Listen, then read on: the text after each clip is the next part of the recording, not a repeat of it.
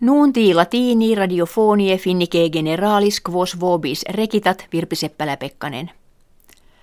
Postridie kalendas februarias septuaginta anni acti erant ex quo prelium Stalingradense in finem venit. In illo prelio quod ducentos feredies duraverat Germani et confederati eorum quartam partem copiarum ami serunt – quas in acie orientali habebant, neque ex illa clade se receperunt. Post victoriam Stalingradensem exercitus unionis sovieticae ad Berolinum procedebat, quam urbem post viginti septem menses expugnavit. Cum cultus Josefi Stalin destrueretur nomen Stalingradi anno millesimo nongen tesimo sexagesimo primo in Volgograd mutatum est, sed vetus nomen temporaliter quinque diebus memorialibus adhibetur.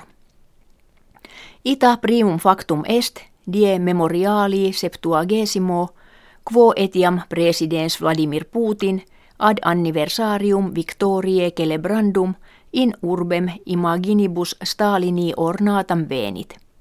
Stalingrad inquit Putin symbolum unitatis populi nostri invincibilis in eternum manebit. Prelium Stalingradense etiam maximum exemplum heroike fortitudinis appellavit. Primus minister Hispaniae Mariano Rajoy cum factione sua scandalo corruptionis implicitus est. Oppositio politica et populus flagitant ut rahoi ex munere discedat.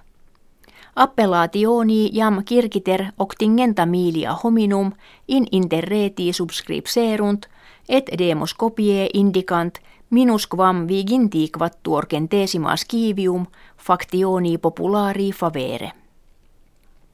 Postquam el pais, acta diurna hispanica, de mercedibus clandestinis primi ministri et consortium eius, die dominico narravit, multis in urbibus Hispaniae vehementes manifestationes orte sunt, quibus flagita batur, ut rationes factionis popularis penitus examinarentur.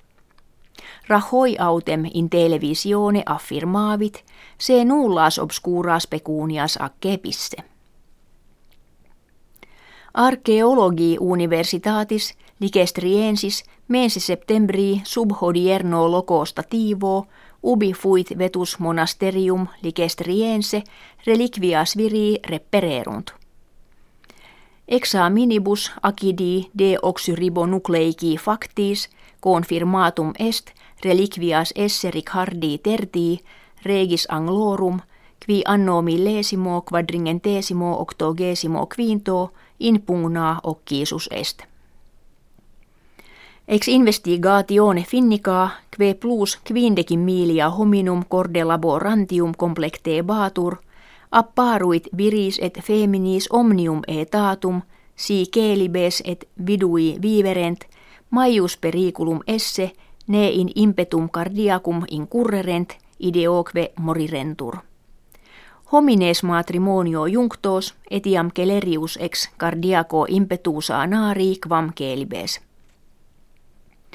Explicatio differentie possit esse in eo, quod conjuges sanius vivunt, atque majores habent opes, et plures familiares, qui laboranti succurrere, et sine kesse est, reanimationem incipere possunt.